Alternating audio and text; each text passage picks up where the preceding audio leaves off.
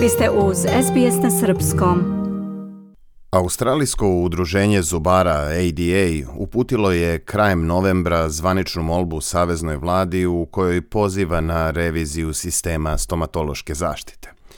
ADA je zatražila podršku ciljanom pristupu poboljšanju usluga za najugroženiju populaciju.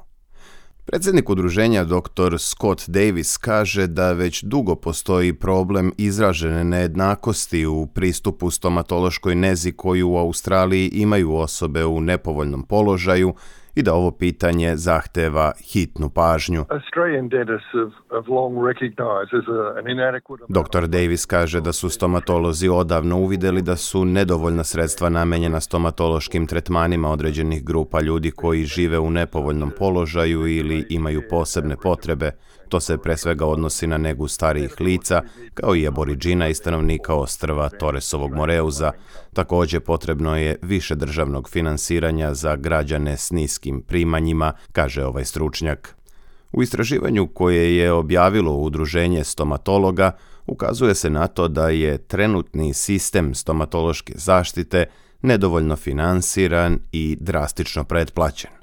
Naime, finansiranje državnog stomatološkog sistema trenutno pokriva samo 30 od 100 onih koji ispunjavaju uslove, dok istovremeno većina zubara u Australiji radi u privatnom sektoru.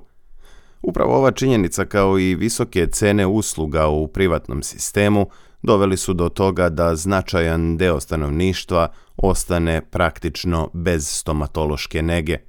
Dr. Leslie Russell iz Menzisovog centra za zdravstvenu politiku smatra da je time došlo do očiglednog jaza u društvu u pristupu zubarskim uslugama. Po osmehu ljudi možete saznati mnogo o njihovom socioekonomskom statusu, gdje žive i kakva je njihova mogućnost zapošljavanja. Razlike postoje i među decom, pa tako neka deca nemaju ni jednu plombu, a drugoj zubi počinju da propadaju čim izrastu. Postoje i primjeri odraslih ljudi koji su morali da pribegnu vađenju sobstvenih zuba jer ih bole, a ne mogu sebi da priušte lečenje. Ceo problem se svodi na pristupačnost, kaže dr. Russell. Mnogi u Australiji su na svojoj koži osjetili nejednakosti u okviru trenutnog sistema stomatološke nege. Jedna od njih je Kate Paul, kojoj je lekar opšte prakse rekao da treba da traži hitnu stomatološku operaciju za svog četvorogodišnjeg sina koji je dobio zubni absces. Međutim, kada je njenog sina pregledao stomatolog, rečeno joj je da on ne ispunjava uslove za hitnu intervenciju jer njegovo stanje nije dovoljno ekstremno. U državnom sistemu vreme čekanja bilo bi najmanje 12 meseci, pa je privatna stomatološka nega bila jedino rešenje. Nismo mogli da čekamo 12 meseci jer je već imao absces i uzimao je jake antibiotike.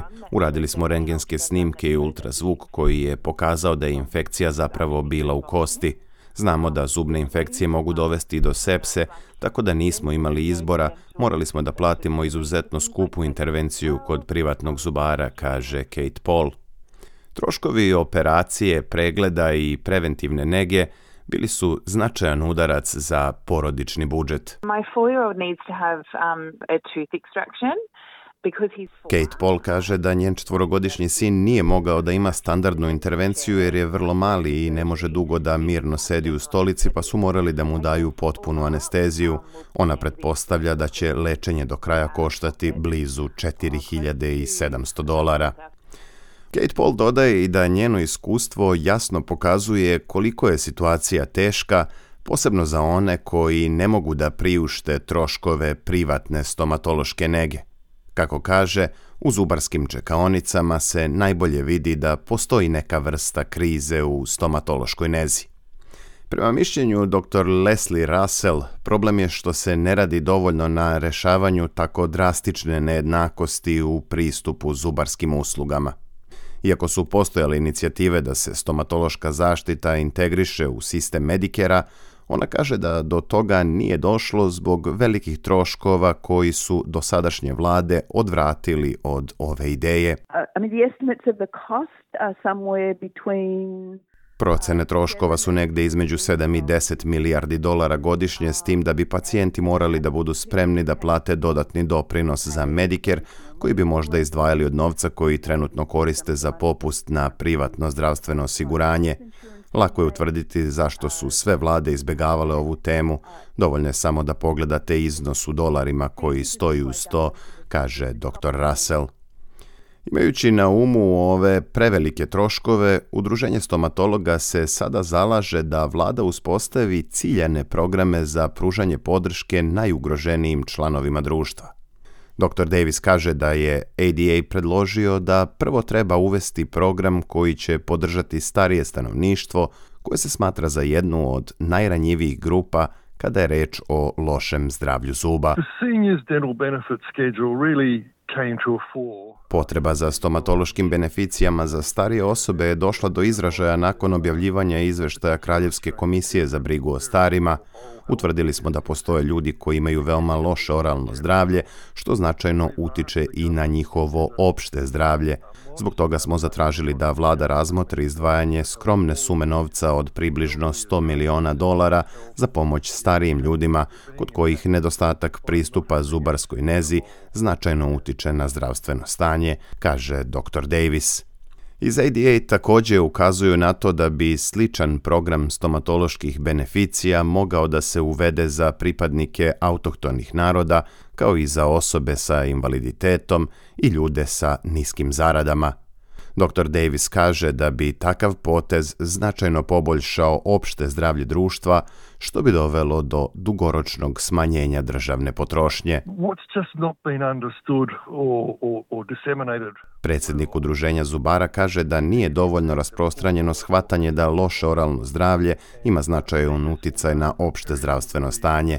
On ističe da recimo parodontalna bolest posebno može uticati na kardiovaskularno zdravlje, na zdravlje bubrega, demenciju, artritis, dijabetes i brojna druga stanja. Stoga bi ulaganja vlade u podršku dobro moralnom zdravlju smanjilo teret raznih oboljenja u zajednici. Senatska istraga o pristupu stomatološkim uslugama u Australiji trenutno je u toku i očekuje se da će objaviti svoj izveštaj u februaru iduće godine. Dr. Davis se nada da će rezultati istrage dovesti do preko potrebnih poteza savezne vlade. Veoma je važno da istaknemo potrebu za ovim promjenama i nadamo se da ćemo moći da edukujemo članove vlade o značaju rešavanja ovih izazova s kojima se suočava australijsko društvo, naročito ljudi u nepovoljnom materijalnom položaju koji jednostavno finansijski ne mogu da priušte sebi plaćanje privatne zubarske nege, istakao je dr. Davis, a zabeležila je Angelika White iz informativne redakcije SBS-a. Slušate program na srpskom. Ja sam Branko Cvetojević. Želite da čujete još priča poput ove? Slušajte nas na Apple Podcast, Google Podcast, Spotify ili odakle god slušate podcast.